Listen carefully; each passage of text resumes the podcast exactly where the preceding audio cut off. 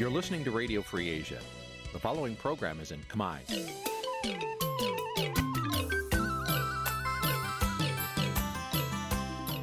នេះជាកម្មវិធីផ្សាយ Vuthu Azizi Serai នេះជាកម្មវិធីផ្សាយរបស់ Vuthu Azizi Serai ជាភាសាខ្មែរ Vuthu Azizi Serai សូមស្វាគមន៍លោកអ្នកនាងទាំងអស់ពីរដ្ឋធានី Washington នៃសហរដ្ឋអាមេរិក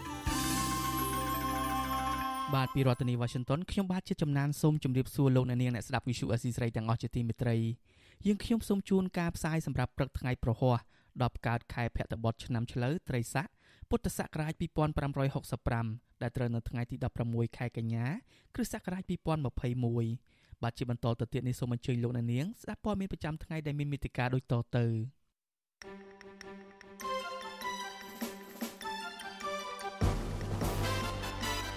មជ្ឈមណ្ឌលសិទ្ធិមនុស្សកម្ពុជារំលឹកថាការបាញ់ប្រហារពលរដ្ឋម្នាក់ស្លាប់កាលពីឆ្នាំ2013មកដល់ពេលនេះនៅតែគ្មានការស៊ើបអង្កេតអ្នកប្រើប្រាស់បណ្ដាញសង្គម Facebook រិះគន់លោកហ៊ុនសែនដែលលបចូលរួមប្រជុំតាមអនឡាញ Zoom ជាមួយនឹងមន្ត្រីបកប្រឆាំងអង្គការអន្តរជាតិជំរុញឲ្យយុវជនខ្មែរបន្តភាពសកម្មដើម្បីជួយឲ្យមានដំណើរការប្រជាធិបតេយ្យ ពលរដ្ឋរងគ្រោះក្នុងចំនួនដីធ្លីក្នុងខេត្តកណ្ដាលជាមួយនឹងក្រុមហ៊ុន OCIC នាំគ្នាគេចចេញពីផ្ទះក្រោយអ្នកភូមិ9នាក់ជាប់ឃុំខ្លួនក្នុងពន្ធនាគាររួមនឹងព័ត៌មានមួយចំនួនទៀតបាទជាបន្តទៅទៀតនេះខ្ញុំបាទជាចំណានសូមជូនព័ត៌មានទាំងនេះពឹស្ដាមជ្ឈមណ្ឌលសិទ្ធិមនុស្សកម្ពុជាបានបង្ហោះសាររំលឹកការបាញ់ប្រហារលើពលរដ្ឋម្នាក់ក្នុងពេលដែលបាតកម្មរបស់គណៈបកសង្គ្រោះជាតិក្រោយការបោះឆ្នោតឆ្នាំ2013 ថានៅតែគ្មានការស៊ើបអង្កេតក្នុងរយៈពេល8ឆ្នាំមកនេះមជ្ឈមណ្ឌលសិទ្ធិមនុស្សកម្ពុជាហៅកាត់តា CCHR បានបង្ហោះសារនៅលើគេហទំព័រនៅថ្ងៃទី15កញ្ញារំលឹកការចងចាំចំពោះការស្លាប់របស់លោកម៉ៅសុកច័ន្ទដែលជាអ្នកឈរមើលដោយគ្មានកំហុសហើយត្រូវបានស្លាប់នៅក្នុងអំឡុងពេលប៉ះទង្គិចនៅលើស្ពានព្រះមនីវងក្នុងឆ្នាំ2013សារនេះបញ្ជាក់ថារយៈពេល8ឆ្នាំក្រោយការស្លាប់របស់លោកម៉ៅសុកច័ន្ទពុំមានការស៊ើបអង្កេតណាមួយត្រូវបានធ្វើឡើងនោះឡើយ ក្នុងសារនោះរំលេចអក្សរថា hashtag មិនអាចបំភ្លេចនិង hashtag គ្មាននីតិរដ្ឋភាពមជ្ឈមណ្ឌលសិទ្ធិមនុស្សកម្ពុជាបានដាក់រូបថតជនរងគ្រោះសខ្មៅភ្ជាប់នឹងការរៀបរាប់ហេតុការណ៍កាលពីថ្ងៃទី15ខែកញ្ញាឆ្នាំ2013ថាការតវ៉ាដោយសន្តិវិធីត្រូវបានធ្វើឡើងនៅឯទីលានវិជាធិបតេយ្យកម្លាំងសន្តិសុខបានដាក់របាំងស្ពានមនីវង៍ហើយស្ពានអាកាសក្បាលថ្នល់ដែលបានបិទផ្លូវសំខាន់សំខាន់និងរារាំងក្រុមបាតកោពីការដើរដង្ហែក្បួន បាតកម្មត្រូវបានបញ្ចប់នៅម៉ោង6ល្ងាចប៉ុន្តែរបាំងនៅតែដាក់ពង្រាយដែលបណ្ដាលឲ្យមានការកកស្ទះចរាចរណ៍យ៉ាងខ្លាំងដែលធ្វើឲ្យអ្នកធ្វើដំណើរពិបាកចេញចូលភ្នំពេញប្រជាពលរដ្ឋដែលបានជាប់កកស្ទះនៅស្ពានព្រះនីវងศ์មានលាយចម្រុះរវាងជនស៊ីវិលនិងក្រុមបាតកោពេលនោះមនុស្សមួយចំនួននៅលើស្ពានចាប់ផ្ដើមចោលដុសថ្មទៅលើកងសន្តិសុខដោយពុំមានការប្រមានជាមុនកងសន្តិសុខចាប់ផ្ដើមតបវិញដោយការបាញ់គ្រាប់ពិត លោកម៉ៅសុកច័ន្ទត្រូវគ្រាប់កំភ្លើងមួយគ្រាប់ចំថ្ងាសបណ្ដាឲ្យស្លាប់មួយរំពេចកាលនោះលោកសុកច័ន្ទមានអាយុ29ឆ្នាំជាកម្មករសំណង់មានកូន4នាក់នៅក្នុងបន្ទុកលោកជាអ្នកធ្វើដំណើរដែលត្រឡប់ចេញពីធ្វើការទៅផ្ទះវិញ thank you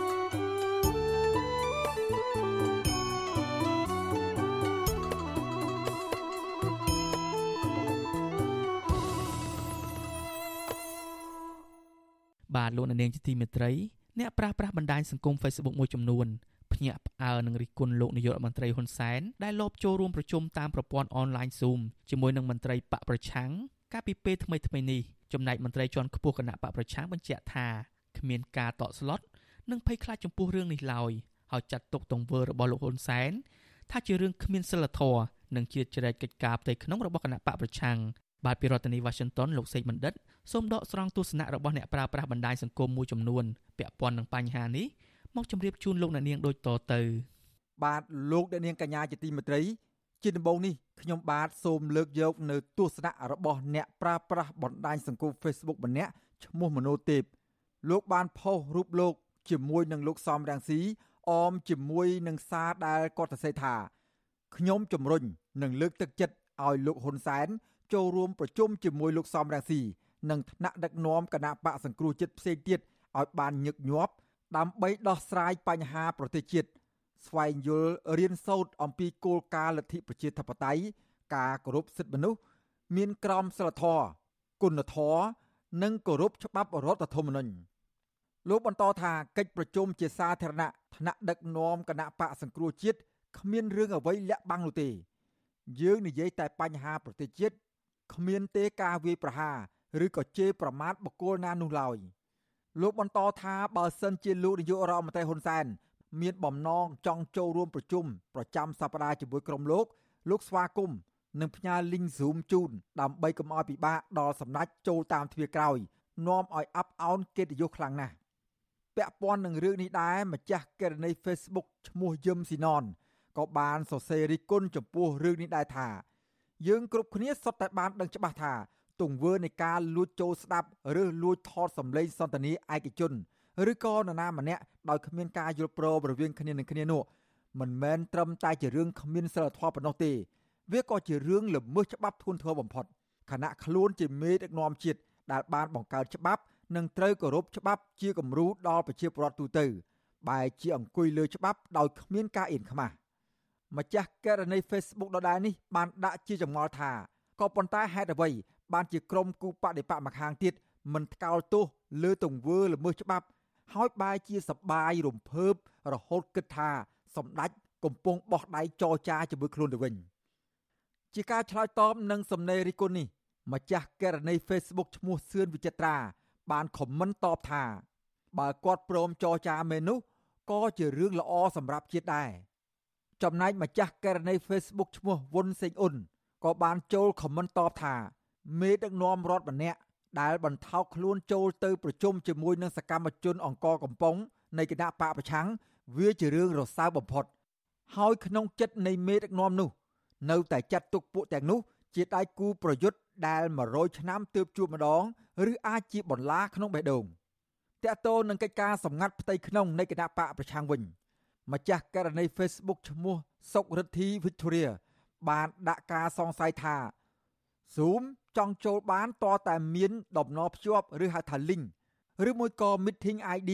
លេខសម្ងាត់ហៅថា password មិនមែនចេះតែចូលបានងាយៗនោះទេសម្ដេចអាចចូលបាន មានន័យថា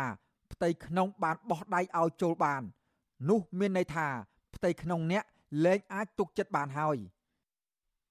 ដោយឡែកម្ចាស់កណនី Facebook ឈ្មោះសុខុននាង បានសរសេរតបថាកុំទៅភ្ញាក់ផ្អើលចោតទៅលើនាយករដ្ឋមន្ត្រី មកពីខាងគណៈបកសង្គ្រោះជាតិពុំមានសមត្ថភាពទប់ស្កាត់បុគ្គលផ្ទៃក្នុង ដែលគេលួចសំងំពូនអាត្មាក្នុងបកនោះចំណែកម្ចាស់ករណី Facebook ឈ្មោះមាសមឿនគាត់ហាក់ដូចជាយល់ផ្សេងពីគេទៅវិញ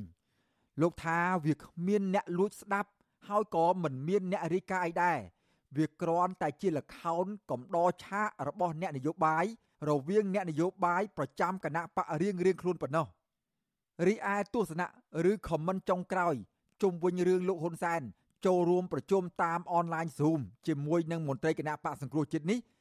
ម្ចាស់ករណី Facebook ឈ្មោះមិត្តភូមិកំសត់យល់ឃើញថា លបែងនយោបាយអាចនឹងមានការផ្លាស់ប្ដូរទៀតការប្រជុំតាម Zoom ប្រកាសជាមានអ្នកគ្រប់គ្រងបើដាក់អ្នកចូលរួមអូតូក៏សមាជិកចូលរួមប្រជុំអាចដឹងថា អ្នកណាចូលរួមដែរតែនេះ អាចជារបបនយោបាយថ្មី សង្ឃឹមថាវាអាចវិលទៅរកភាពល្អប្រសើរទៅចុះម្ចាស់ករណី Facebook ដដែលនេះ បានកត់សម្គាល់ថា នយោបាយស្រុកយើងខុសគេ ពេលគេចង់ត្រូវរូវគ្នាវិញក៏មានរឿងប្លែកៗកើតឡើងដែរខ្ញុំបាទសេកបណ្ឌិតវិទ្យុអាស៊ីសេរីពីរដ្ឋធានីវ៉ាស៊ីនតោនបាទលោកអ្នកនាងអ្នកស្ដាប់ជាទីមេត្រីអង្គការពិភពលោកផ្នែកលើកស្ទួយលទ្ធិប្រជាធិបតេយ្យលើកទឹកចិត្តដល់យុវជនខ្មែរ ឲ្យបន្តភាពសកម្មរបស់ខ្លួនដើម្បីជំរុញឲ្យមានដំណើរការប្រជាធិបតេយ្យនៅកម្ពុជាអង្គការទាំងនោះសង្កត់ធ្ងន់ថាគេមិនអាចរងចាំមេដឹកនាំផ្ដាច់ការឲ្យផ្ដល់លទ្ធិប្រជាធិបតេយ្យដល់ពលរដ្ឋនោះទេប៉ុន្តែពលរដ្ឋខ្លួនឯងត្រូវធ្វើសកម្មភាពឲ្យបានខ្លាំងក្លាបន្ថែមទៀត។មន្ត្រីរដ្ឋាភិបាលកម្ពុជាឆ្លើយតបថា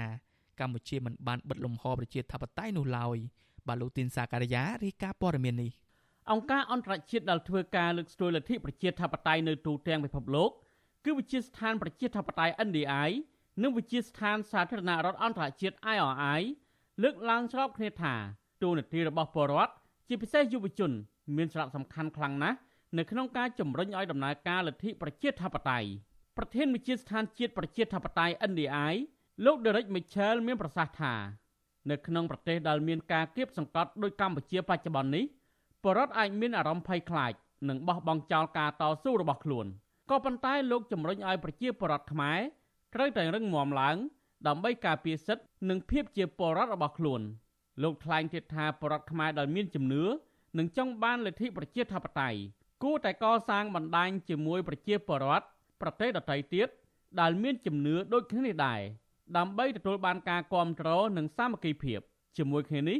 ពលរដ្ឋខ្មែរគួរតែចាប់ផ្ដើមរួមគ្នាធ្វើសកម្មភាពឲ្យបានច្រើននៅតាមមូលដ្ឋាន ដើម្បីបង្កើតជាវប្បធម៌នៃការពិភាក្សានិងដោះស្រាយបញ្ហានានា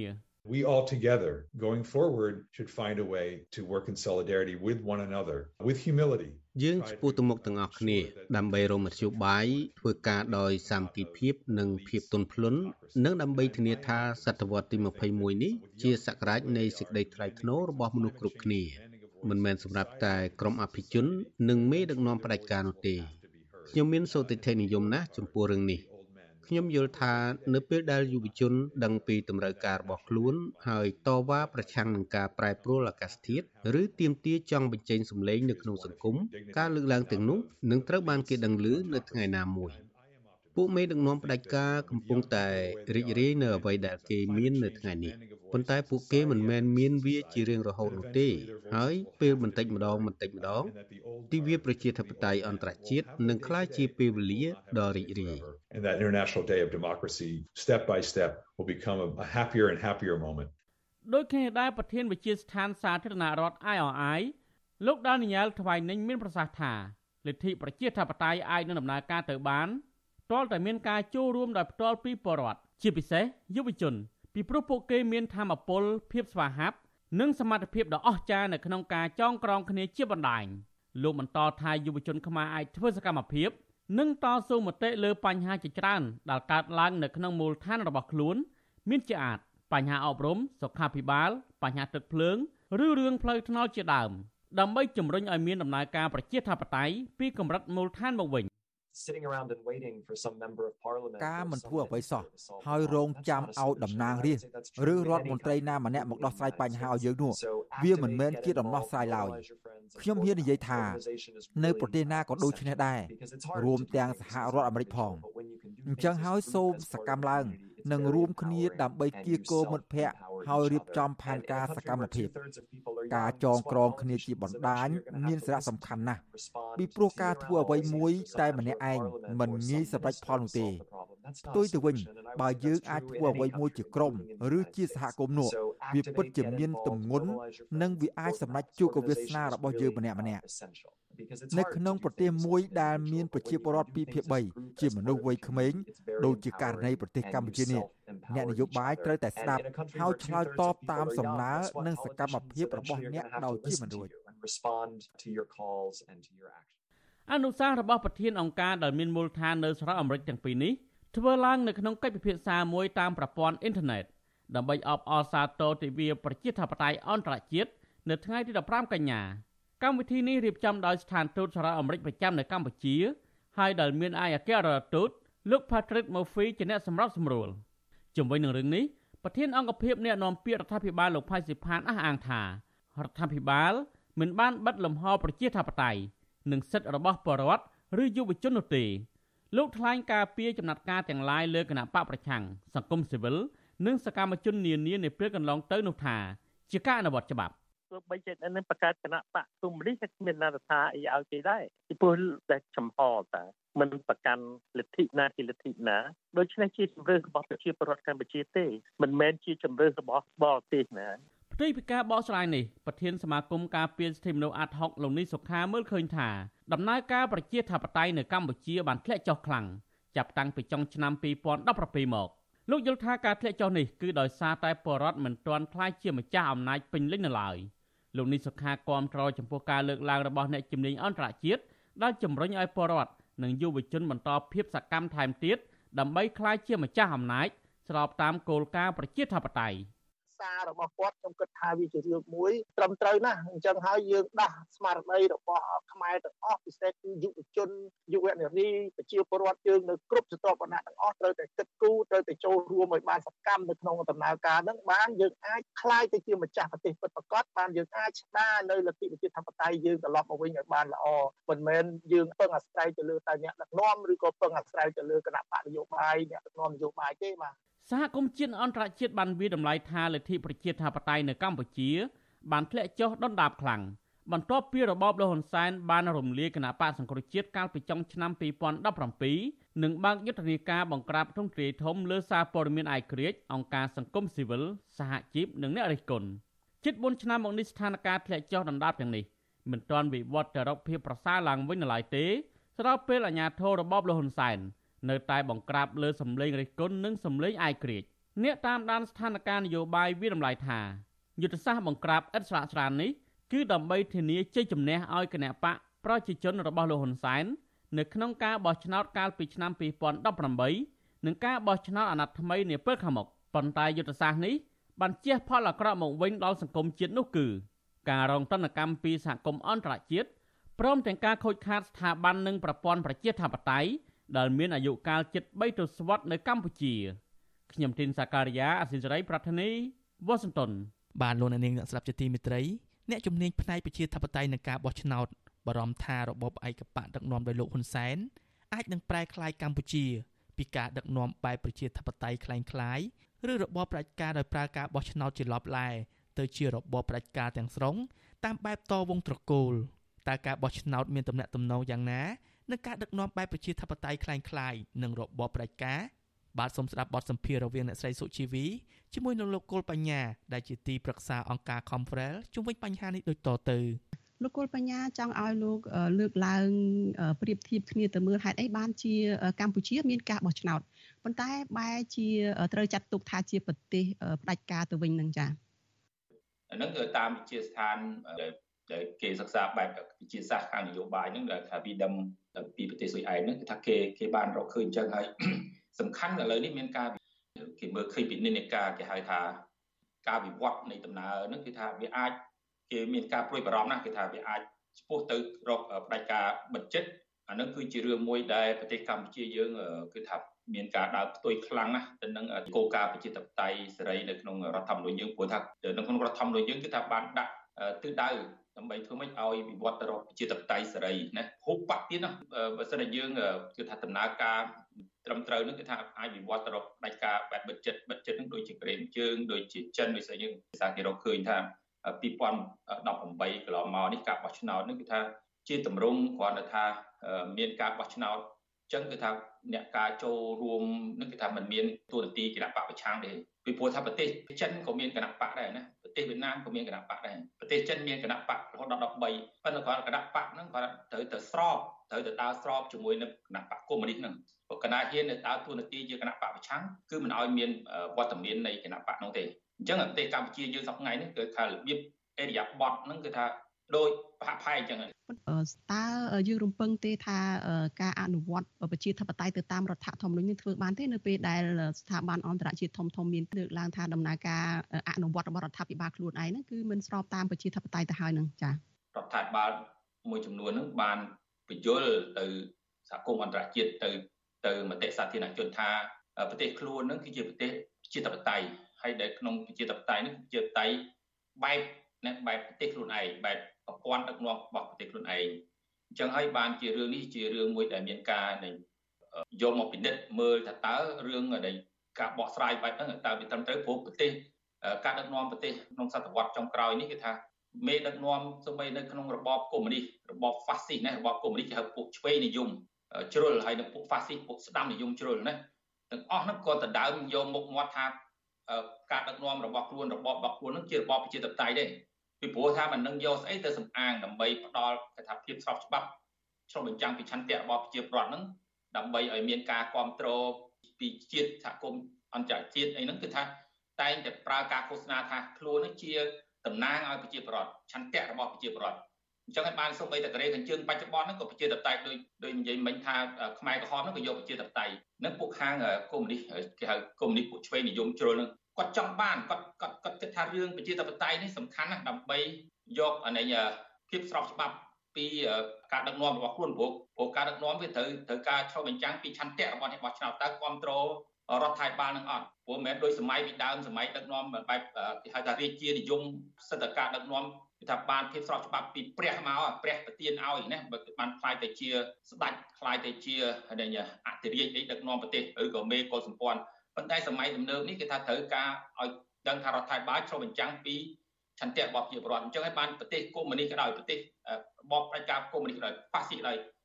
ពួកហ៊ីតលែរក៏ដោយតែងតែយករូបភាពថាខ្លួនឯងហ្នឹងជាជារដ្ឋាភិបាលដែលឆ្លុះបញ្ចាំងពីឆន្ទៈរបស់ប្រជាពលរដ្ឋហើយអញ្ចឹងប្រើឈ្មោះនឹងខ្លះប្រើឈ្មោះប្រជាធិបតេយ្យទៅខ្លះទៅធ្វើការឃោសនាស្រាប់ខ្លួនឯងតំណាងប៉ុន្តែសួរថាតើហេតុផលអីដែលបង្ហាញថាខ្លួនឯងជាតំណាងរបស់ឆន្ទៈរបស់ប្រជាពលរដ្ឋប៉ុណ្ណឹងដែល ដែលប្រទេសទាំងអស់នោះគឺថាគ្រាន់តែបន្លំផ្នែកការដឹកនាំបែបកុម្មុយនីសផ្ដាច់ការហ្នឹងស្ដាប់ប្រសាសន៍របស់លោកគូលបញ្ញាទៅនឹងប្រជាពលរដ្ឋនឹងគឺសំខាន់ណាស់បើទោះបីជាការដឹកនាំរបៀបដឹកនាំនឹងមានការបន្លំជាលប់ឡែអីយ៉ាងណាក៏ដោយក៏ប្រជាពលរដ្ឋនឹងគឺជាចំណុចសំខាន់ដែលអ្នកដឹកនាំនឹងគឺយកចិត្តទុកដាក់ថាឆន្ទៈរបស់ប្រជាពលរដ្ឋកម្លាំងរបស់ប្រជាពលរដ្ឋនឹងគឺមានឥទ្ធិពលណាស់ពលរដ្ឋបានដឹងទេថាខ្លួនមានឥទ្ធិពលអញ្ចឹងខ្លួនអាចជំរុញឬក៏អាច ទៀមទាឬក៏ប្រាអំណាចរបស់ខ្លួនឯងនឹងធ្វើឲ្យអ្នកដឹកនាំនឹងងាកមកការដឹកនាំតាមប្រជាធិបតេយ្យពិតប្រាកដនឹងដែរទេចាលោកគុលបញ្ញាប្រជាប្រដ្ឋយើងបានដឹងច្រើនហើយតាមពិតមានការវិវត្តបានដឹងច្រើនជាពិសេសយុវជនចំនួនក្រោយលោកបានដឹងច្រើនដោយសារតែប្រព័ន្ធបណ្ដាញសង្គមព័ត៌មាននានាបានផ្សព្វផ្សាយប៉ុន្តែគាត់ថានៅក្នុងបរិយាកាសបច្ចុប្បន្ននេះនៅក្នុងប្រទេសកម្ពុជាគឺថាយើងមានបញ្ហាការបំផិតភ័យការគម្រាមកំហែងខ្លាំងម្ល៉េះហើយពួកគេមិនអាចចេញមតិដោយថា ខ្លាំងក្លាដើម្បីទាមទារឲ្យមានដំណើរការមួយដែលបែបការបោះឆ្នោតសេរីយុត្តិធម៌ឬក៏ដំណើរការប្រជាធិបតេយ្យនឹងឲ្យបានត្រឹមត្រូវគ្រប់សិទ្ធិសេរីភាពនឹងឲ្យបានពេញលេញទេមានមានអ្នកដែលគ្នាតស៊ូមតិអីយ៉ាងដែរអញ្ចឹងប៉ុន្តែបានមានបញ្ហារឿងរហូតដល់ចាប់សកម្មជនអ្នកតវ៉ាជាច្រើននៅក្នុងពន្ធនាគារដោយសារពួកគេនឹងអ្វីដែលគេបានធ្វើសកម្មភាពហ្នឹងគឺថាការសម្ដែងមតិហ្នឹងគឺថាគេបានបញ្ជាក់ច្បាស់ថាគេយល់ច្បាស់អំពី សារៈសំខាន់នៃនៃអ្វីដែលជាដំណើរការប្រជាធិបតេយ្យបែបសេរីហើយគ្រប់សិទ្ធិសេរីភាពរបស់គេក្នុងការបញ្ចេញមតិតវ៉ាតស៊ូមតិនឹងទៅនឹងដែលសំខាន់ណាស់ហើយយើងមើលចោះសកម្មជនគណៈបកឆាំងក្តៅអីក្តៅទោះបីតែមានការគម្រាមកំហែងណាពួកគេនៅតែធ្វើសកម្មភាពអញ្ចឹងទៅរឿងនេះគឺជាដៃណាមិកមួយគឺជាសកម្មភាពសកម្មមួយដែលជាចំណុចវិជ្ជមាន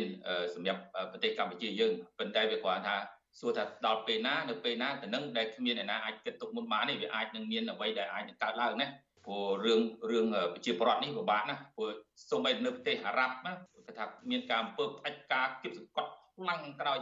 ប៉ុន្តែចុងក្រោយមកគឺថាម្នាក់ម្នាក់គឺថាភ្ញាក់ផ្អើលយ៉ាងខ្លាំងដោយប្រជាប្រដ្ឋងើបឡើងបះបោចង់ទៀមទីឲ្យទាញមេដឹកនាំផ្ដាច់ការនឹងទម្លាក់ណាអានេះទៅនឹងដែលជារឿងដែលដែលពិបាកនឹងការពិនិត្យមើលណាប៉ុន្តែបើយើងមើលប្រទេសដូចជាប្រទេសអេស៊ីបអញ្ចឹងកន្លងមក នៅក្រោមការដឹកនាំ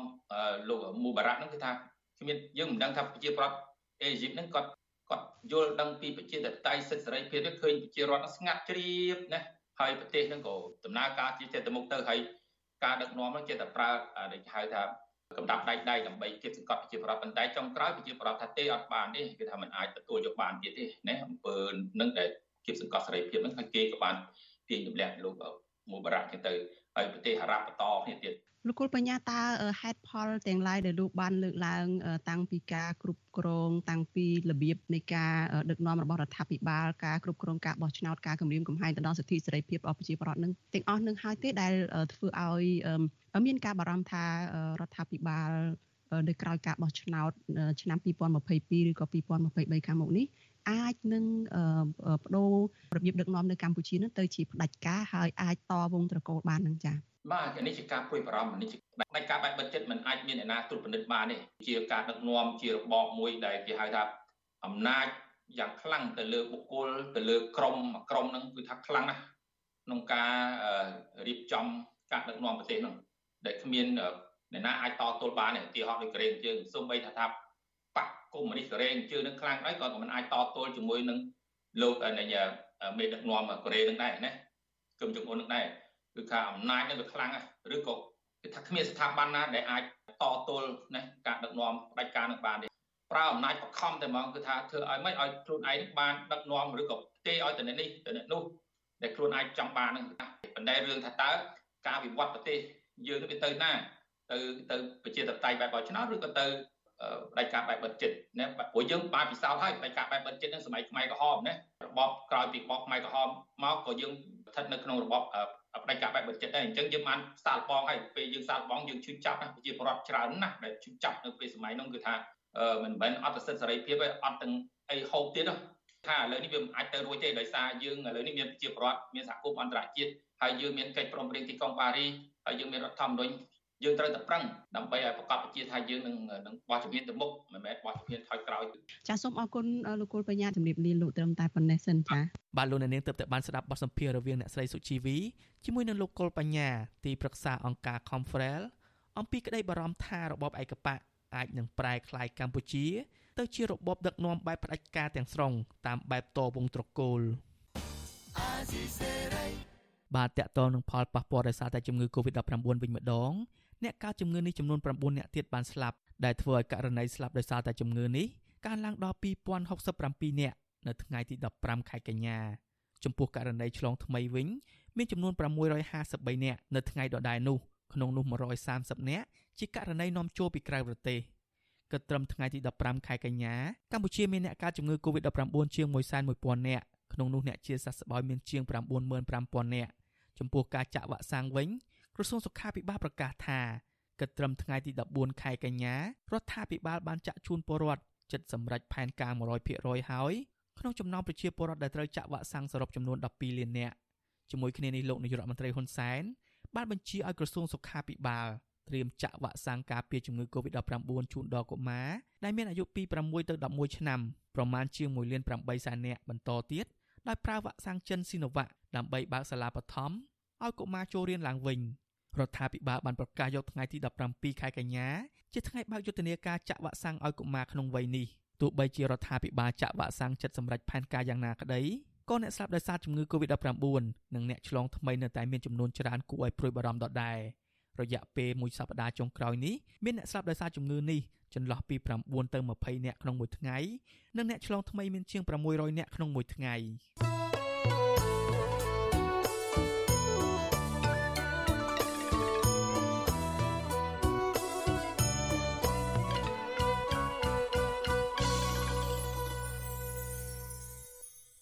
បានតាក់ទងនឹងរឿងនេះដែរសិស្សថ្នាក់ទី9និងថ្នាក់ទី12បានចូលរៀនផ្ទាល់នៅក្នុងសាលាវិញហើយក្រោយការរៀនអនឡាញអស់រយៈពេលជិត1ឆ្នាំដោយសារតែការរាតត្បាតជំងឺ Covid-19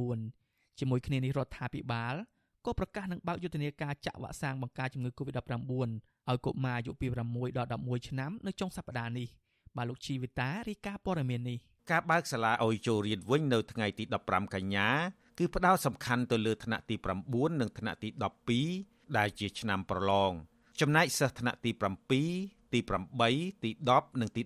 11ត្រូវសិក្សាពីចម្ងាយឬតាមប្រព័ន្ធអនឡាញបន្តទៀតសិស្សថ្នាក់ទី12នៃវិទ្យាល័យហ៊ុនសែនប៊ុនរ៉ានីផ្សារដើមថ្កូវលោកស៊ុនសៀងហាក់ឲ្យដឹងថា ខាងសាលារៀនបានរៀបចំប្រព័ន្ធអនាម័យល្អបង្កលក្ខណៈងាយស្រួលដល់ការចូលរៀនវិញនិងបានតម្រូវឲ្យសិស្សនិងគ្រូរក្សាគម្លាតសុវត្ថិភាពគ្រប់ពេល។ លោកបន្តថាការរៀននៅក្នុងសាលាមានភាពល្អប្រសើរជាងការរៀនពីចម្ងាយតែយ៉ាងណាសិស្សថ្នាក់ទី12រូបនេះនៅតែបារម្ភពីការឆ្លងជំងឺ Covid-19 ព្រោះជំងឺនេះនៅតែបន្តរាតត្បាតខ្លាំងព្រោះវាបានទាល់ជាមួយគ្រូបរិញ្ញាហ្នឹងមកបារម្ភខ្លះដែរបងប៉ុន្តែខាងសាលាគាត់មានការរៀបចំដូចជាបញ្ញកលរក្សាកម្រិតអីហ្នឹងបងរដ្ឋមន្ត្រីក្រសួងអប់រំយុវជននិងកីឡាលោកហងជួននរុន បានអនុញ្ញាតឲ្យបើកសាលារៀនកម្រិតអនុវិទ្យាល័យនិងវិទ្យាល័យតាមបញ្ជារបស់លោកនាយករដ្ឋមន្ត្រីហ៊ុនសែនតែយ៉ាងណា កាលពីថ្ងៃទី13កញ្ញាលោករដ្ឋមន្ត្រីបានណែនាំឲ្យគណៈគ្រប់គ្រងសាលារៀនទាំងអស់បង្កើនគណៈកម្មការត្រួតពិនិត្យសុខភាពតាមគ្រឹះស្ថានសិក្សា ការកំណត់ចំនួនសិស្សក្នុងមួយថ្នាក់ច្រើនបំផុតត្រឹម15នាក់ការពាក់ម៉ាស់ការរក្សាគម្លាតសម្អាតថ្នាក់និងបាញ់ថ្នាំសម្លាប់មេរោគជាប្រចាំការវាស់កម្ដៅ លាងដៃជាប្រចាំសវត្ថភាពផ្នែកចំណីអាហារនិងហាមលេងជុំគ្នាជាដើមក្រសួងអប់រំក៏បានអនុញ្ញាតឲ្យគណៈគ្រប់គ្រងសាលាអាចផ្អាកការសិក្សានៅតាមសាលារៀនវិញជាបន្ទាន់ដែរក្នុងករណីមានការឆ្លងរាតត្បាតជំងឺ Covid-19 នៅក្នុងថ្ងៃចាប់ផ្ដើមដំណើរការសាលារៀនឡើងវិញនេះអាជ្ញាធររាជធានីខេត្តមួយចំនួន បានចុះទៅពិនិត្យមើលស្ថានភាពទីតាំងសាលារៀនមួយចំនួនដែរថ្លែងពីវិទ្យាល័យព្រះស៊ីសុវត្ថិ អភិបាលរាជធានីភ្នំពេញលោកខួងស្រេងបញ្ជាក់ថាអាជ្ញាធរបានអនុញ្ញាតឲ្យអនុនិងវិទ្យាល័យទាំងរដ្ឋទាំងឯកជនជាង200គ្រឹះស្ថាននៅភ្នំពេញអាចបើកដំណើរការចូលរៀនវិញទាំងអស់ដោយបដូរទីតាំងយកសំណាក់ឬមណ្ឌលចតាឡេស័កចេញពីសាលារៀនអស់ហើយប៉ុន្តែនៅតាមខេត្តមួយចំនួនវិញមិនទាន់អាចបើកសាលារៀនវិញបានទេប្រធានសមាគមគ្រូបង្រៀនកម្ពុជាឯករាជ្យអ្នកស្រីអុកឆាយាវីឲ្យដឹងថា តាមសាលារៀនមួយចំនួនដែលធ្លាប់ជាមណ្ឌលចតាឡេស័កកំពុងសម្អាតនៅឡើយបន្ថែមពីនេះអ្នកឃ្លាំមើលរូបនេះក៏មិនគាំទ្រចំពោះការបើកសាលារៀនក្នុងស្ថានភាពប្រថុយប្រឋាននឹងការឆ្លងជំងឺបែបនេះទេព្រោះអ្នកស្រីថាមេរោគបំលែងថ្មី Delta នៃជំងឺ Covid-19 អាចឆ្លងទ្រង់ទ្រាយធំឡើងវិញគ្រប់ពេល អ្នកស្រីចង់ឲ្យក្រសួងអប់រំពន្យាការចូលរៀនផ្ទាល់បន្តទៀតដើម្បីរងចាំការប្រកាសរបស់ក្រសួងសុខាភិបាលសិន ព្រោះអីយើងថាខ្លាំងសុខភាពល្អតើតែរងចាំទៅបើយើងទៅរៀនហើយដើម្បីយកជំងឺមកទេយើងអត់មានសេចក្តីសុខទេជាមួយគ្នានេះនៅថ្ងៃទី15កញ្ញាដដែលលោកនាយករដ្ឋមន្ត្រីហ៊ុនសែនបានប្រកាសថារដ្ឋាភិបាលនឹងបើកយុទ្ធនាការចាក់វ៉ាក់សាំងឲ្យកុមារអាយុពី6ឆ្នាំឡើងទៅ នៅថ្ងៃសុក្រចុងសប្តាហ៍នេះតទៅ លោកអះអាងដូចមុនដែរថា ការចាក់វ៉ាក់សាំងនេះដើម្បីឈានទៅរកការបើកសាលារៀនថ្នាក់បឋមសិក្សាឡើងវិញប៉ុន្តែអ្នកឃ្លាំមើលវិស័យអប់រំចង់ឲ្យរដ្ឋាភិបាលរកការបញ្ជាក់ពីគុណភាពវ៉ាក់សាំងចំពោះកុមារពីខាងអង្គការសុខភាពពិភពលោកសិនដើម្បីបញ្ជាហានិភ័យអ្នកពិគ្រោះយោបល់ឯករាជ្យផ្នែកគោលការណ៍នយោបាយអប់រំលោកសេងហុងស្វាគមន៍ចំពោះគម្រោងយុទ្ធនាការចាក់វ៉ាក់សាំងឲ្យកុមារពីអាយុ6ឆ្នាំដល់11ឆ្នាំ និងបើកសាលារៀនឡើងវិញនៅកម្រិតអនុនិងវិទ្យាល័យតែទោះជាយ៉ាងណាលោកជំរុញឲ្យរដ្ឋាភិបាលបង្ហាញទិន្នន័យអំពីការចាក់វ៉ាក់សាំងលើកុមារអាយុពី6ឆ្នាំឡើងទៅនឹងត្រូវប្រឹក្សាជាមួយអង្គការសុខភាពពិភពលោកឲ្យបានច្បាស់សិនមុននឹងចាប់ផ្ដើមចាក់ឲ្យកុមារ តាមខ្ញុំយល់អាចថាលឿនបន្តិចពេកក៏ថាបានព្រោះដូចជាមិនទាន់មានដំណឹងទូលំទូលាយណាកិច្ចការងារនឹងនៅប្រទេសផ្សេងៗណាប្រហែលជាត្រូវ clarify ជាមួយ WHO បន្តិចតាមមើលទៅលើចំណុចហ្នឹងព្រោះខ្ញុំដូចជាលះពេកដែរខ្ញុំក៏មិនបានធ្វើការស្រាវជ្រាវពីបញ្ហាហ្នឹងដែរចំណែកអ្នកជំនាញវិទ្យាសាស្ត្រក៏នៅតែមានមន្ទិលអំពីគុណភាពវ៉ាក់សាំងក្នុងការចាក់ឲ្យកុមារក្រោមអាយុ12ឆ្នាំដែរព្រោះកន្លងទៅមន្ត្រីជាន់ខ្ពស់ក្នុងក្រសួងសុខាភិបាល តែងតែបកស្រាយផ្ទុយគ្នាពីគុណភាពវ៉ាក់សាំងប្រធានសមាគមគ្រូពេទ្យគុណភាពកម្ពុជាលោកអ៊ូចវិធីពន្យល់ថាកុមារមានភាពប្រឈមខ្ពស់និងងាយប្រតិកម្មវ៉ាក់សាំងជាងមនុស្សចាស់ដូច្នេះមន្ត្រីក្រសួងសុខាភិបាលគួរតែបញ្ជូនវ៉ាក់សាំងទៅមន្ទីរពិសោធន៍មើលគុណភាពឲ្យច្បាស់សិនហើយត្រូវហ៊ានប្រាប់ការពិតទៅលោកនាយករដ្ឋមន្ត្រីអំពីគុណភាពវ៉ាក់សាំងនោះក្នុងករណីមានភាពមិនប្រក្រតីណាមួយ លោកក៏ជំរុញឲ្យមន្ត្រីសុខាភិបាលកម្ពុជាប្រឹក្សាជាមួយអង្គការសុខភាពពិភពលោកសិនដែរមុននឹងចាប់ផ្ដើមយុទ្ធនាការនេះ។បើនិយាយលោកដឹងតែរូបរាងខាងក្រៅទេប៉ុន្តែអាផ្ទៃក្នុងនៃយោស៊ីមីរបស់វាមានច្រើនណាស់ដែលយកពីសម្បកមេរោគយកពីគេហៅប្រូតេអ៊ីននៃមេរោគហ្នឹងយកមកដើម្បីបន្តឲ្យវាមានជីវិតមកជួយខ្លួនយើងហ្នឹងអាហ្នឹងត្រូវតែបញ្យល់ប្រាប់លោកដឹងច្បាស់ព្រោះលោកបនធ្វើម៉េចឲ្យតែបានទំពាំងដែលកំពុងតែលូតហ្នឹងឲ្យវាលូតល្អកុំឲ្យក្រិន អាស៊ីសេរីមិនអាចសុំការបញ្ជាក់ពីអ្នកនាំពាក្យក្រសួងសុខាភិបាល អ្នកស្រីអាវ៉ាន់ឌីនបានទេ នៅថ្ងៃទី15កញ្ញាគិតត្រឹមថ្ងៃដដែលនេះក្រសួងសុខាភិបាលបានចាក់វ៉ាក់សាំងឲ្យកុមារនិងយុវវ័យដែលមានអាយុចាប់ពី12ឆ្នាំដល់18ឆ្នាំ បានប្រមាណ1លាន7សែននាក់ហើយគណៈពលរដ្ឋដែលបានចាក់វ៉ាក់សាំងសរុបបានជាង9លាននាក់ហើយតែទោះជាយ៉ាងណាចំនួនអ្នកដែលឆ្លងជំងឺ Covid-19 នៅតែមានអត្រាខ្ពស់នៅឡើយ ខ្ញុំជីវិតាអាស៊ីសេរីបាននៅខេត្តកណ្ដាលឯនោះវិញ អ្នកភូមិកំពង់តឡុងភ ieck ច្រើនជាបរោះមិនថាចាស់ឬក្មេងបន្តលាក់ខ្លួននៅកន្លែងមានសុវត្ថិភាពមិនហ៊ាននាំគ្នាត្រឡប់ចូលផ្ទះវិញទេដោយភ័យខ្លាចថាអាជ្ញាធរដែលប្រចាំការនៅក្នុងភូមិអាចនឹងចាប់ខ្លួនពួកគាត់បន្ថែមទៀតមន្ត្រីអង្គការសង្គមស៊ីវិលផ្នែកសិទ្ធិមនុស្ស ស្នើដល់អាជ្ញាធរបញ្ឈប់ប្រើរូបភាពគំរាមកំហែងបំបាក់ស្មារតីពលរដ្ឋតទៅទៀតនិងដោះលែងអ្នកដែលកំពុងជាប់ឃុំឲ្យមានសេរីភាពឡើងវិញបាទលោកសេកបណ្ឌិតមានសេចក្តីរាយការណ៍មួយទៀតអំពីរឿងនេះស្ថានភាពនៅក្នុងភូមិកំពង់តាឡុងបច្ចុប្បន្នមានសភាពស្ងាត់ជ្រងំផ្ទះខ្លះនៅសល់តែមនុស្សស្រី និងក្មេងតូចនៅចាំផ្ទះហើយផ្ទះខ្លះទៀតត្រូវបិទទ្វារចោលក្រោយពីមានហេតុការណ៍ប៉ះទង្គិចគ្នារវាងកងកម្លាំងសមត្ថកិច្ច និងក្រមប្រជាពលរដ្ឋមានចំនួនដីធ្លីជាមួយនឹងក្រុមហ៊ុន OCIC ពលរដ្ឋម្នាក់ដែលរត់គេចខ្លួន លោកណៃផុនឲ្យដឹងថាសពថ្ងៃក្រុមគ្រួសាររបស់លោកមិនខុសពីអ្នកភូមិដទៃទៀតឡើយគឺត្រូវរស់នៅបែកខ្ញែកគ្នា ដោយកូនប្រុសច្បងអាយុ18ឆ្នាំមិនដឹងជាទៅនៅទីណានោះទេចំណែកឯកូនស្រីអាយុ12ឆ្នាំផ្ញើទុកនៅអ្នកភូមិហើយប្រពន្ធរបស់លោក គឺលោកស្រីខឹមចត្រា ត្រូវជាប់ឃុំនៅក្នុងពន្ធនាគារក្រោយពីមានហេតុការណ៍ហិង្សានោះលោកបន្តថា ក្នុងអំឡុងពេលនេះ លោកមិនហ៊ានទៅស្នាក់នៅផ្ទះសាច់ញាតិទេដោយដើរសុំបាយគេហូប និងសុំកន្លែងស្នាក់នៅពីមួយថ្ងៃទៅមួយថ្ងៃលោកបញ្ជាក់ថាក្នុងរយៈពេល3ឆ្នាំមកនេះអាញាធរមិនបានព្យាយាមដោះស្រាយបញ្ហាវិវាទដីធ្លីឲ្យប្រជាពលរដ្ឋនៅសំណងណាមួយដែលអាចទទួលយកបាននោះទេ តែបែរជាបង្កផលលំបាកឲ្យប្រជាពលរដ្ឋរងទុក្ខពីមួយជាន់ហើយថែមមួយជាន់ទៀតបរោះវ័យ52ឆ្នាំ ដែលសល់ខោអាវមួយកំ pl ជាប់នឹងខ្លួននិងគ្មានប្រាក់មួយរៀលផងនោះទទូចស្នើសុំឲ្យប្រមុខរដ្ឋាភិបាលចុះដោះស្រាយបញ្ចប់ចំនួនដីធ្លី នៅប្រលានយន្តហោះថ្មីនេះនិងជួយដោះលែងអ្នកជាប់ឃុំទាំងអស់ឲ្យមានសេរីភាពមកវិញ ខ្ញុំហើយចុងក្រោយហ្នឹងខ្ញុំសូមពាវនាវដល់ប្រមុខរដ្ឋាភិបាលហ្នឹងឲ្យជួយដោះស្រាយដីធ្លីពលរដ្ឋហ្នឹងឲ្យមានសំណងហ្នឹងវាសំរុំបន្តិចមកហើយតម្រាក់ថាបត់ចោតនឹងអស់វិញទៅហើយឲ្យវាភូមិសុខសានឡើងវិញហើយអាការ សាងសង់ពលានហ្នឹងឲ្យវាដំណើរការទៅឲ្យវាពួកខ្ញុំនឹងទួលយកដៃរីករាយខ្ញុំកុំឲ្យអាសង់ពលានអស់រយលុយរាប់ពាន់លានបែរជាធ្វើឲ្យពួកអ្នកភូមិដែលដីនៅក្នុងគម្រោងគ្នារងទឹកភ្នែកអាអ្នកដែលក្រៅក្រៅគេសោកសប្បាយពួកខ្ញុំជាប់ឃុំជាប់អីអញ្ចឹងវាដូចអយុត្តិធម៌ពេកចំណែកស្ត្រីវ័យ40ឆ្នាំម្នាក់ដែលរស់នៅជាមួយនឹងកូន2នាក់គឺលោកស្រីទូចកែវរៀបរាប់ដែរថា លោកស្រីមិនឃើញប្រជាពលរដ្ឋណាហ៊ានចេញធ្វើដំណើរដូចមុនឡើយក្រៅពីសមត្ថកិច្ចជិះម៉ូតូល្បាតទៅវិញទៅមកលោកស្រីឲ្យដឹងថា ប្តីលោកស្រី គឺលោកស្រុនញក់វ័យ42ឆ្នាំ កំពុងជាប់ឃុំជាមួយនឹងប្រជាពលរដ្ឋ8នាក់ទៀតនៅឯពន្ធនាគារខេត្តកណ្ដាលក្រោយពីមានអំពើហិង្សាជាមួយនឹងសមត្ថកិច្ចនៅក្នុងភូមិលោកស្រីចាត់ទុកការឃុំខ្លួនប្រជាពលរដ្ឋមានចំនួនដីធ្លីនេះ ថាជារឿងអយុត្តិធម៌សំណុំពរឲ្យខាងថាអាញាធរហ្នឹង ដោះលែងប្រជាពលរដ្ឋដែលជាប់ឃុំ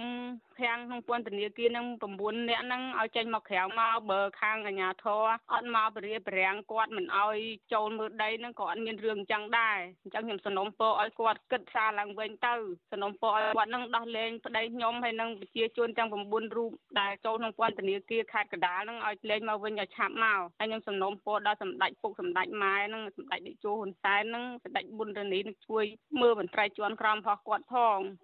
វិទ្យុអាស៊ីសេរីនៅពុំទាន់អាចសុំការឆ្លើយបំភ្លឺអំពីរឿងអាញាធរបន្តដាក់ពង្រាយកម្លាំងនៅក្នុងភូមិកំពង់តាឡុងពីអភិបាលខេត្តកណ្ដាលលោកគង់សុភ័ណ្ឌបានទេ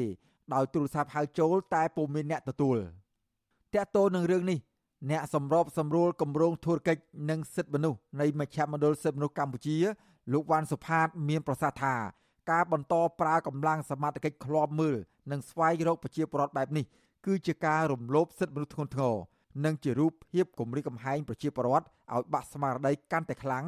ដែលធ្វើឲ្យអ្នកភូមិលែងហ៊ានចូលផ្ទះសម្បែងលោកសាសុំអាជ្ញាធរបញ្ចប់ទង្វើបែបនេះហើយអនុញ្ញាតឲ្យប្រជាពលរដ្ឋដែលរត់គេចខ្លួនអាចវិលត្រឡប់មកជួបជុំក្រុមគូសាវិញដោយសុវត្ថិភាពនិងដោះលែងអ្នកជាប់ឃុំទាំងអស់ឲ្យមានសេរីភាពមកវិញ។ សិនតែយើងធ្វើអញ្ចឹងឃើញថាវាធ្វើឲ្យប៉ះពាល់ដល់មុខមាត់របស់រដ្ឋាភិបាលកាន់តែធ្ងន់ធ្ងរទៅហើយប្រមុខរដ្ឋាភិបាលលោកគួរតែពិនិត្យមើលឡើងវិញដែរដូចជាប៉ុណ្ណឹងដូចជាគ្រប់គ្រាន់ណាស់ទៅហើយបាទបំបាក់ ស្មារតីគាត់ដល់ប៉ុណ្ណឹងมันគួរតែធ្វើអីលើសពីនឹងទៀតទេដែលធ្វើទៅវាคล้ายទៅជាមិនត្រឹមតែมันគោរពពីនោះទេវាคล้ายទៅជាអមនុស្សធម៌ទៅទៀតអមនុស្សធម៌មានន័យថាលែងគិតពីមនុស្សឥឡូវហ្នឹងពួកគាត់ទៅជាមនុស្សដូចយើងទៅជាជាពលរដ្ឋរបស់រដ្ឋាភិបាលទៅតែជាពលរដ្ឋរបស់រដ្ឋយើង កាលពីថ្ងៃទី14ខែកញ្ញាចៅក្រមសាលាដំបងខេត្តកណ្ដាលលោកវ៉ាន់សុបញ្ញា សម្រាប់ចោតប្រកាន់និងឃុំខ្លួនប្រជាពលរដ្ឋមានចំនួនដីធ្លីចំនួន9នាក់ពីបទហិង្សាដោយចេតនាមានស្ថានទម្ងន់ទោសបទញុះញង់ឲ្យប្រព្រឹត្តបទឧក្រិដ្ឋជាអាតនិងបទប្រឆាំងនឹងអ្នករាជការសាធារណៈមានស្ថានទម្ងន់ទោសដោយចោទថាបានប្រើអំពើហិង្សាលើនគរបាល13នាក់ឲ្យមានរបួសស្នាមការចោទប្រកាន់នេះគឺយោងទៅលើហេតុការណ៍ក្នុងពេលតវ៉ាមានចំនួនដីធ្លីនៅប្រលានយន្តហោះថ្មី នៅភូមិកំពង់តាឡុង ឃុំបឹងខ្យាងស្រុកកណ្ដាលស្ទឹងខេត្តកណ្ដាលកាលពីពេលថ្មីថ្មីនេះដែលមានការប៉ះទង្គិចគ្នានៅពេលសមាជិកបង្ក្រាបប្រជាពលរដ្ឋអ្នកតវ៉ាគ្រួសារនិងសាច់ញាតិប្រជាពលរដ្ឋចំនួន9នាក់ប្រតិកម្មចំពោះការចោទប្រកាន់នេះទោះយ៉ាងណាក្រុមអង្គការសង្គមស៊ីវិលដែលឃ្លាំមើលផ្នែកសិទ្ធិមនុស្សទទូចស្នើសុំដល់តុលាការខេត្តកណ្ដាលដោះលែងពលរដ្ឋ9នាក់ឲ្យបានមកជួបជុំក្រុមគ្រួសារឡើងវិញដោយទម្លាក់ចោលបទចោទប្រកាន់ទាំងនោះ ហើយអាជ្ញាធរបន្តដោះស្រាយវិវាទដីធ្លីនេះដោយសន្តិវិធីតម្លាភាពនិងយុត្តិធម៌ខ្ញុំបាទសេកបណ្ឌិតវិទ្យុអាស៊ីសេរីពីរដ្ឋធានីវ៉ាស៊ីនតោនបាទលោកនាងជាទីមេត្រីតំណាងសហគមន៍ដីធ្លីម្នាក់ដែលត្រូវសមត្ថកិច្ចខេត្តស្វាយរៀងចាប់ខ្លួនគឺជាកសិករដែលខ្វល់ខ្វាយការងារសង្គមនិងចេះជួយអាសាកសិករផ្សេងទៀតអ្នកស្រីយុសភ័ណ្ឌ កំពុងជាប់ឃុំក្នុងពន្ធនាគារត្រូវបានសមត្ថកិច្ចចោទប្រកាន់ថាល្មើសបំរាមទប់ស្កាត់ជំងឺ Covid-19 ទោះជាយ៉ាងណាមន្ត្រីសង្គមស៊ីវិលយល់ថាការចាប់ខ្លួននិងការចោទប្រកាន់តំណាងកសិកររូបនេះគឺជាការគំរាមកំហែងមិនអោយពលរដ្ឋទៀមទាតវ៉ាករណីដីធ្លីរបស់ពួកគេបាទលោកអ្នកនាងនឹងបានស្ដាប់ព័ត៌មានលម្អិតអំពីរឿងនេះនៅពេលបន្តិចទៀតនេះ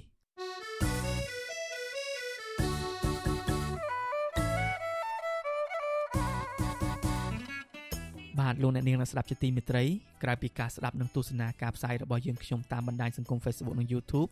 លោកអ្នកនាងក៏អាចស្ដាប់ការផ្សាយរបស់ Visual Assisray តាមវិទ្យុរលកធាតុអាកាសខ្លីឬ SW ដែលមានកម្រិតនិងកម្ពស់ដូចតទៅនេះ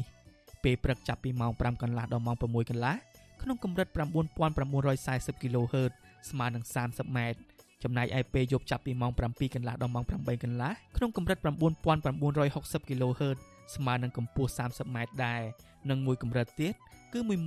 11240 kHz ស្មើនឹងកម្ពស់ 25ម៉ែត្របាទសូមអរគុណ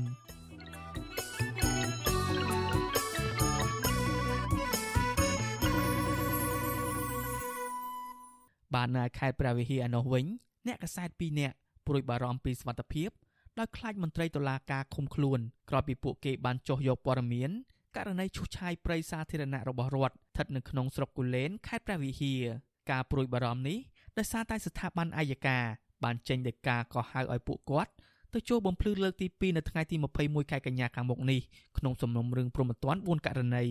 បានអ្នកស្រីម៉ៅសុធីនីរីកាព័ត៌មាននេះ អ្នកកសែតពីរនាក់ត្រូវជាបងប្អូនបង្កើតនឹងគ្នាហើយម្នាក់ជាអ្នកយកព័ត៌មាន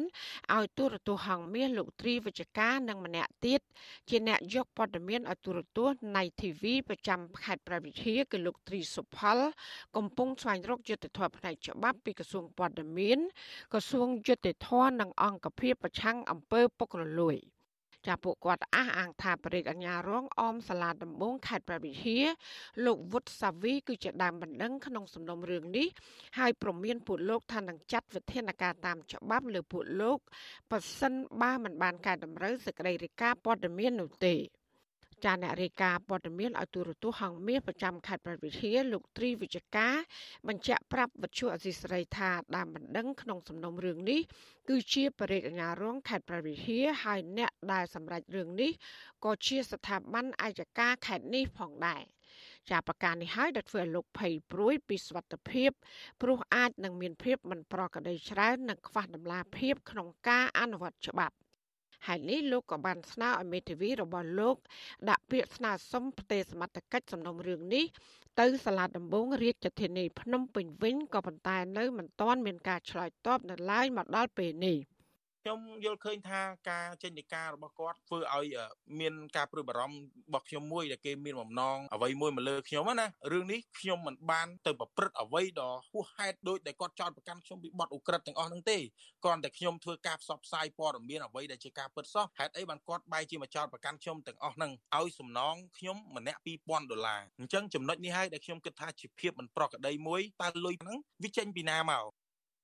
ចាលោកទ្រីវិជ្ជការបន្ថែមទៀតថាការប្តឹងផ្តល់នេះធ្វើឡើងនៅបន្ទាប់ពីពួកគាត់បដិសេធមិនទទួលលុយ4000ដុល្លារពីមនុស្សចំណិត របស់បរិយាអាញារងលោកវុតសាវីលោកសង្ស័យថាលុយទាំងនេះគឺជាការសូប៉ាន់ដើម្បីឲ្យពួកលោកបិទព័ត៌មាន កាលពីថ្ងៃទី8ខែកញ្ញាបរិយាអាញាខេត្តព្រះវិហារលោកទីសវណ្ណថាល់បានចេញនៃការកោះហៅលោកត្រីវិជ្ជការនិងលោកត្រីសុផលឲ្យជួខ្លួនបំភ្លឺពីដំណើររឿងដែលធ្វើឲ្យបាត់បង់ជំនឿលើសេចក្តីសម្រេចរបស់តុលាការដោយបានចុះផ្សាយសរសេរបញ្ឆិតបញ្ឈៀងដើម្បីឲ្យមានការសង្ស័យលើបុគ្គលណាម្នាក់ប៉ះពាល់ដល់អកម្បាំងវិជ្ជាជីវៈហើយនឹងញុះញង់ឲ្យប្រព្រឹត្តបទអូក្រិដ្ឋជាអាត កាលពីខែមីនាឆ្នាំ2021អ្នកកាសែតទាំងពីរនាក់នេះបានធ្វើដំណើររួមគ្នាជាមួយស្ថាប័នអាយកាពីរនាក់គឺបរិយាអាញារងលោកវុតសាវី និងបរិយាអាញាលោកទីសវណ្ណថាល់ដើម្បីបង្ក្រាបបទល្មើសព្រៃឈើករណីដែលឈូសឆាយដីព្រៃរដ្ឋនៅក្នុងឃុំត្បាញ2ស្រុកភ្នំគូលែន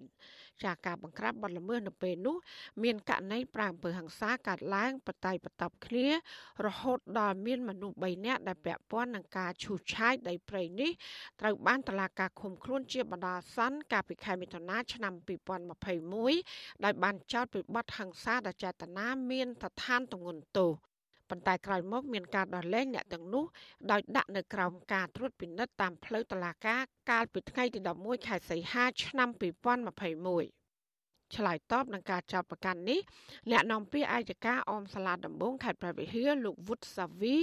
បដិសេធថាលោកមិនមែនជាដើមបណ្ដឹងក្នុងសំណុំរឿងនេះទេហើយថាសំណុំរឿងនេះចុងចោតអាចពឹងមេធាវីចម្លងសំណុំរឿងដើម្បីស្វែងរកដើមបណ្ដឹងណាមួយពិតប្រាកដបាន លោកក៏បានផ្ដាច់ទូរស័ព្ទនៅពេលដែលអ្នកយកព័ត៌មានវិទ្យុអសីស្រីសាកសួរពីករណីលុយ4000ដុល្លារដែលមានមនុស្សចំណិតរបស់លោកម្នាក់ប្រកល់ជូនដល់អ្នកកសែតពីអ្នកនោះជាធ្នូនឹងការបិទព័ត៌មានឲ្យគាត់ដាក់មេធាវីមកពិនិត្យមើលសំណុំរឿងមកដឹងហើយហើយពីណាប្តឹងគាត់អីចឹងណាព្រោះខ្ញុំអត់បានប្តឹងគាត់ផង ចាជុំវិញរឿងនេះនាយកប្រតិបត្តិសម្ព័ន្ធអ្នកសារព័ត៌មានកម្ពុជាហៅកាត់ថាកម្ពុជាលោកណូវីស្នើឲ្យស្ថាប័នជាតិពាក់ព័ន្ធដែលអ្នកសារព័ត៌មានទាំងពីររូបនេះសូមកិច្ចអន្តរាគមន៍នោះគួរតែចុះស្រាវជ្រាវឲ្យស៊ីជម្រៅដើម្បីធានាថាគ្រប់ភាគីពាក់ព័ន្ធទទួលបានយុត្តិធម៌ស្របពេលដែលសំណុំរឿងនេះអ្នកប្តឹងផ្តល់និងអ្នកចាត់ប្រកាន់គឺជាអ្នកអនុវត្តច្បាប់ ខ្ញុំគិតថាគឺជារឿងមួយដែលគួរតែមានការយកចិត្តទុកដាក់ជាពិសេសដើម្បីធានាថាគ្រប់ភាគីពាក់ព័ន្ធទទួលបាននៅយុត្តិធម៌ជាពិសេសគឺអ្នកសារព័ត៌មានដែលជាភ្នាក់ងារមួយសំខាន់នៅក្នុងការដែលបំភ្លឺនៅបញ្ហាផ្សេងផ្សេងរបស់សង្គមឬមួយក៏ជាភ្នែកជាច្រមុះនៅក្នុងការពិនិត្យតាមដានចំពោះករណីនីតិរដ្ឋភាពហើយនឹងរឿងបញ្ហាដែលវាពាក់ព័ន្ធជាមួយនឹងដំណាភាពនៅក្នុងសង្គមរបស់យើងបាទ ចាតំណាងអัยការខេត្តព្រះវិហារបានថ្លែងក្នុងសេចក្តីថ្លែងហេតុកាលពីថ្ងៃទី17ខែសីហាឆ្នាំ2021ដោយបានអះអាង ថាស្ថាប័នអัยការកំពុងពិភាក្សាលើចំណាត់ការច្បាប់ទៅលើអ្នកកាសែត2នាក់នេះដែលបានផ្ដល់វីដេអូផុសតាងក្នុងសំណុំរឿងព្រំប្រទានតើឲ្យគេហទំព័រទូរទស្សន៍អនឡាញខ្មែរម្ចាស់ការដើម្បីចុះផ្សាយ លើពីនេះថែមទាំងបញ្ចេញមតិក្នុងក្រុមតាមបណ្ដាញសង្គម Telegram ដោយលើកឡើងថាអយុត្តិធម៌ចំពោះខ្លួន មិនទទួលសំណងទាំងពួកគេទាំងពីរនាក់ពុំមែនជាដើមបណ្ដឹងក្នុងសំណុំរឿងរដ្ឋប្រវេណីនេះឡើយចាននាងខ្ញុំម៉ៃសុធានីវិទ្យុអាស៊ីសេរីប្រធានាធិបតី Washington បាទលោកនាងជាទីមេត្រីកិច្ចចរចាត្រីភាគីស្ដីពីប្រាក់ឈ្នួលគោលឆ្នាំ2022សម្រាប់កម្មករនយោជិត ក្នុងវិស័យកាត់ដេរសម្លៀកបំពាក់និងស្បែកជើង កាលពីថ្ងៃទី14ខែកញ្ញានៅមិនទាន់ចុះសម្រុងគ្នានៅឡើយទេ ដោយភាគីនីមួយៗមានអំណះអំណាងរៀងៗខ្លួនផ្អែកលើកត្តាសេដ្ឋកិច្ចសង្គមប្រធានសហភាពការងារកម្ពុជាលោកអាតធុនមានប្រសាសន៍ប្រាប់វិសុអេស៊ីសរ៉ៃនៅថ្ងៃទី15ខែកញ្ញាថាភាគីនយោជកឬក្រុមហ៊ុនមិនត្រឹមតែមិនដំឡើងទេ តែបែរជាស្នើឲ្យបន្ថយប្រាក់ឈ្នួលគោរបស់កម្មករ រហូតដល់ទៅជាង8ដុល្លារទៅវិញគឺពីចំនួន192ដុល្លារក្នុងមួយខែដែលជាប្រាក់ឈ្នួលគោលនៅឆ្នាំ2020មកនៅត្រឹម183ដុល្លារវិញចំពោះតួលេខដែលបង្ហាញដោយភាគីក្រសួងការងារវិញគឺបានកំណត់យកចំនួន191.9ដុល្លារលោកបន្តថាភាគីសហជីពនៅតែរក្សាជំហរសូមដំឡើង22.2ដុល្លារអាមេរិកឬស្មើប្រាក់ឈ្នួលគោលរបស់កម្មករនិយោជិកចំនួន214.2ដុល្លារក្នុងមួយខែ លោកបញ្ជាក់ថាមូលហេតុដែលសូមដំឡើងប្រាក់ឈ្នួលគោលនេះដោយសារតែការរស់នៅប្រចាំថ្ងៃរបស់កម្មករត្រូវចំណាយប្រាក់ច្រើនជាងមុនដោយសារតែទំនិញឡើងថ្លៃជាដើមកិច្ចប្រជុំនេះគឺបានធ្វើទៅដោយមិនមានការឯកភាពនេះទេគឺខាងនយោជកនៅតែប្រកាន់គោលចំហបែបនេះដោយយោងថាវិបត្តិ COVID-19 ហ្នឹងវាមានបញ្ហាច្រើនហើយសូមតែរក្សាការងារទៅហើយប្រាក់ឈ្នួលគួរតែមានការចងចាំជាដើមហើយខាងរដ្ឋាភិបាល ក៏បានបង្ហាញចំហថាការកណនារបស់ខ្លួនហ្នឹងទៅគឺថាបញ្ហា COVID នេះគឺជាឧបសគ្គមួយដែលมันទាន់មានការឡើងនេះទេហើយខាងកម្មករយោចិត្តយល់ឃើញថាអ្វីដែលប្រាក់ឈ្នួលគួរតែត្រូវឡើងដោយសារតែកម្មករមានការពិបាកហើយអតិផរណាវាឡើងដល់ទៅ3%នោះហើយផលិតភាពនឹងក៏ឡើង2.6%ដែរហើយការប្រកួតប្រជែងពេលចុងក្រោយនេះកម្ពុជានៅតែមានសក្តានុពលហើយឱកាសនៃចំណេញនៅក្នុងវិស័យហ្នឹងគឺ កម្ពុជាក៏នៅតែចំណេញរហូតដល់ទៅ5ទៅ700លានដុល្លារនោះដែលដែលជាចំនួនមួយ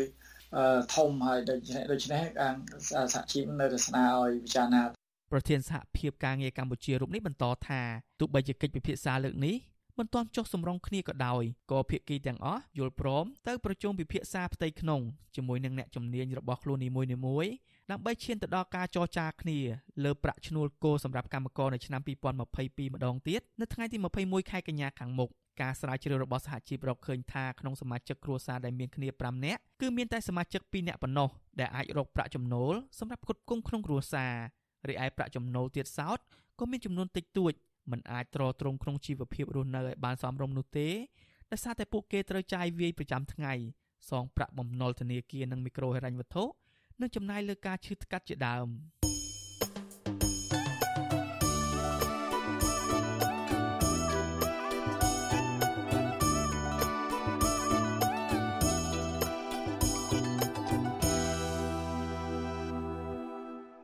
បានលោកនាងអ្នកស្ដាប់ជាទីមេត្រី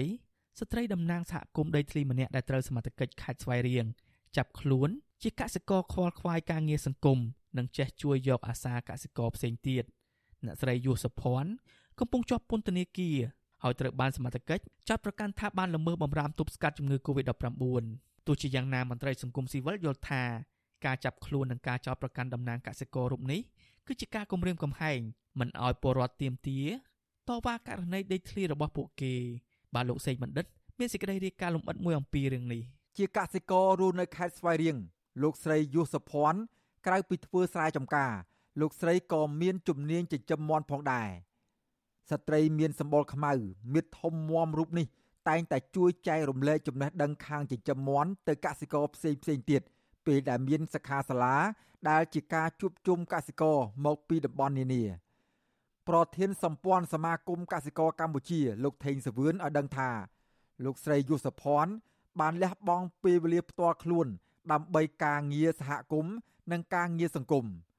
ការលះបង់របស់កសិកររូបនេះគឺចង់ឲ្យកសិករផ្សេងទៀតដែលរងការរំលោភបំពានទទួលបានយុត្តិធម៌ការគោរពសិទ្ធិ រួមទាំងលើកកម្ពស់ជីវភាពរបស់ប្រជាពលរដ្ឋគាត់មានចេះជំនាញក្នុងការផ្ដល់វគ្គចិញ្ចឹមមាន់បែបគោលការណ៍ធម្មជាតិរួមជាមួយនឹងការគៀងកនិងពង្រឹងសិទ្ធិសហគមន៍អញ្ចឹងកន្លងមកគាត់បានដើរជួយប្រជាជនតំបន់ផ្សេងផ្សេងមិនមែនតែក្នុងសហគមន៍គាត់ទេរាប់ចាប់ពីខេត្តត្បូងឃ្មុំខេត្តកំពង់ស្ពឺខេត្តកោះកុងខេត្តប្រសេនុនិងខេត្តកពតឬក៏ខេត្តតាកែវអីជាដើមផងដែរជំនាញក្នុងការផ្ដល់វគ្គចិញ្ចឹមមាន់បែបគោលការណ៍ធម្មជាតិរួមជាមួយនឹងការគៀងគោពង្រឹងសិទ្ធិអំណាចសហគមន៍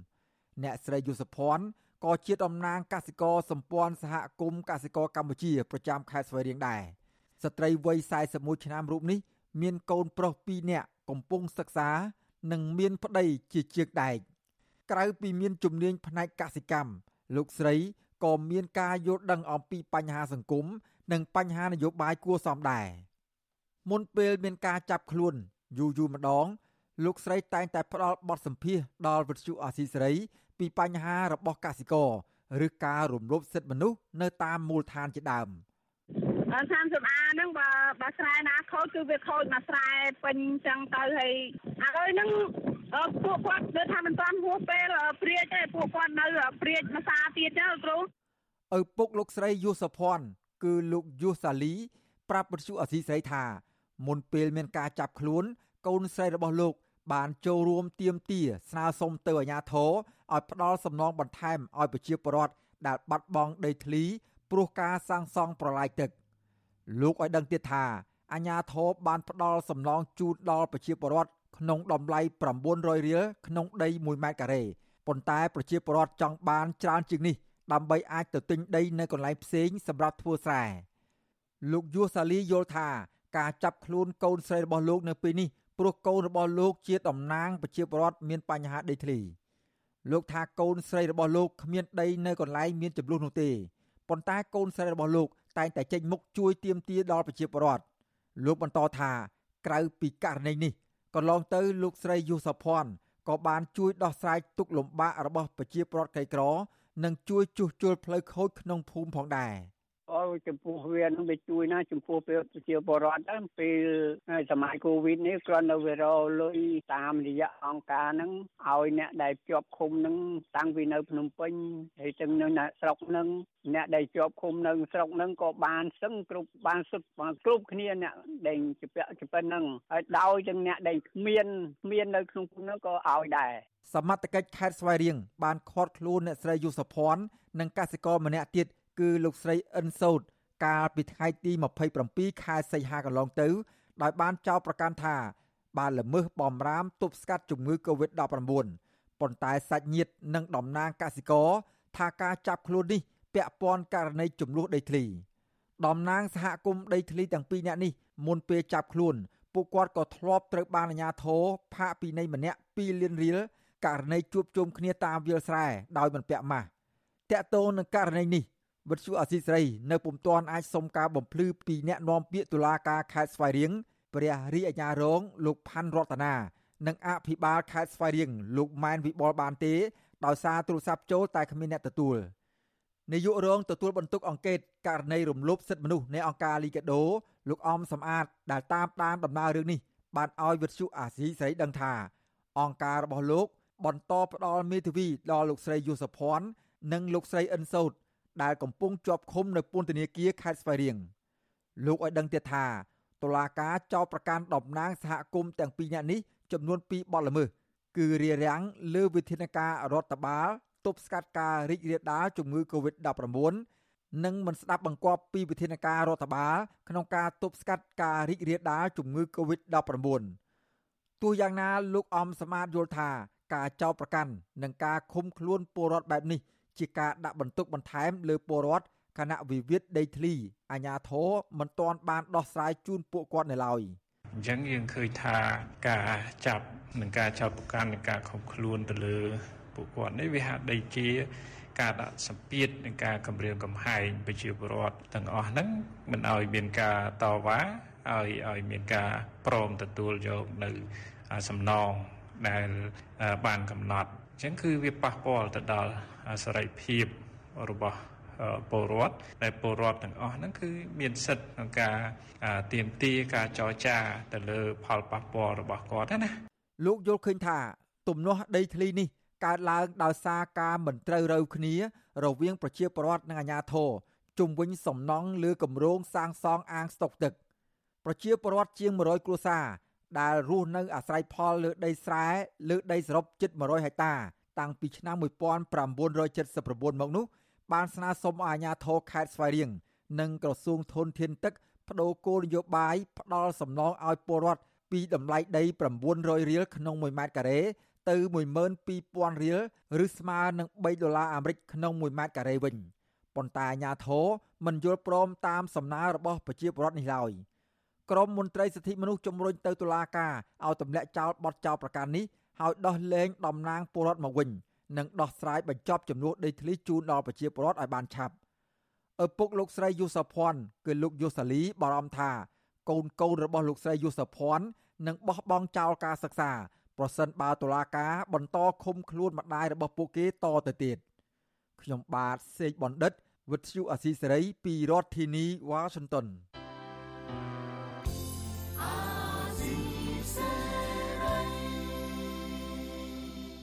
បាទលោកអ្នកនាងជាទីមេត្រីការផ្សាយរយៈពេល1ម៉ោងនៃវិទ្យុអាស៊ីសេរីជាភាសាខ្មែរនៅពេលនេះចប់តែប៉ុណ្ណេះយើងខ្ញុំសូមជូនពរដល់លោកអ្នកនាងព្រមទាំងក្រុមគ្រួសារទាំងអស់ឲ្យជួបប្រកបតែនឹងសេចក្តីសុខចម្រើនរុងរឿងកំបីគ្លៀងគ្លាតឡើយខ្ញុំបាទចិត្តចំណានព្រមទាំងក្រុមការងារនៃវិទ្យុអាស៊ីសេរីទាំងអស់សូមអរគុណនិងសូមជម្រាបលា thank you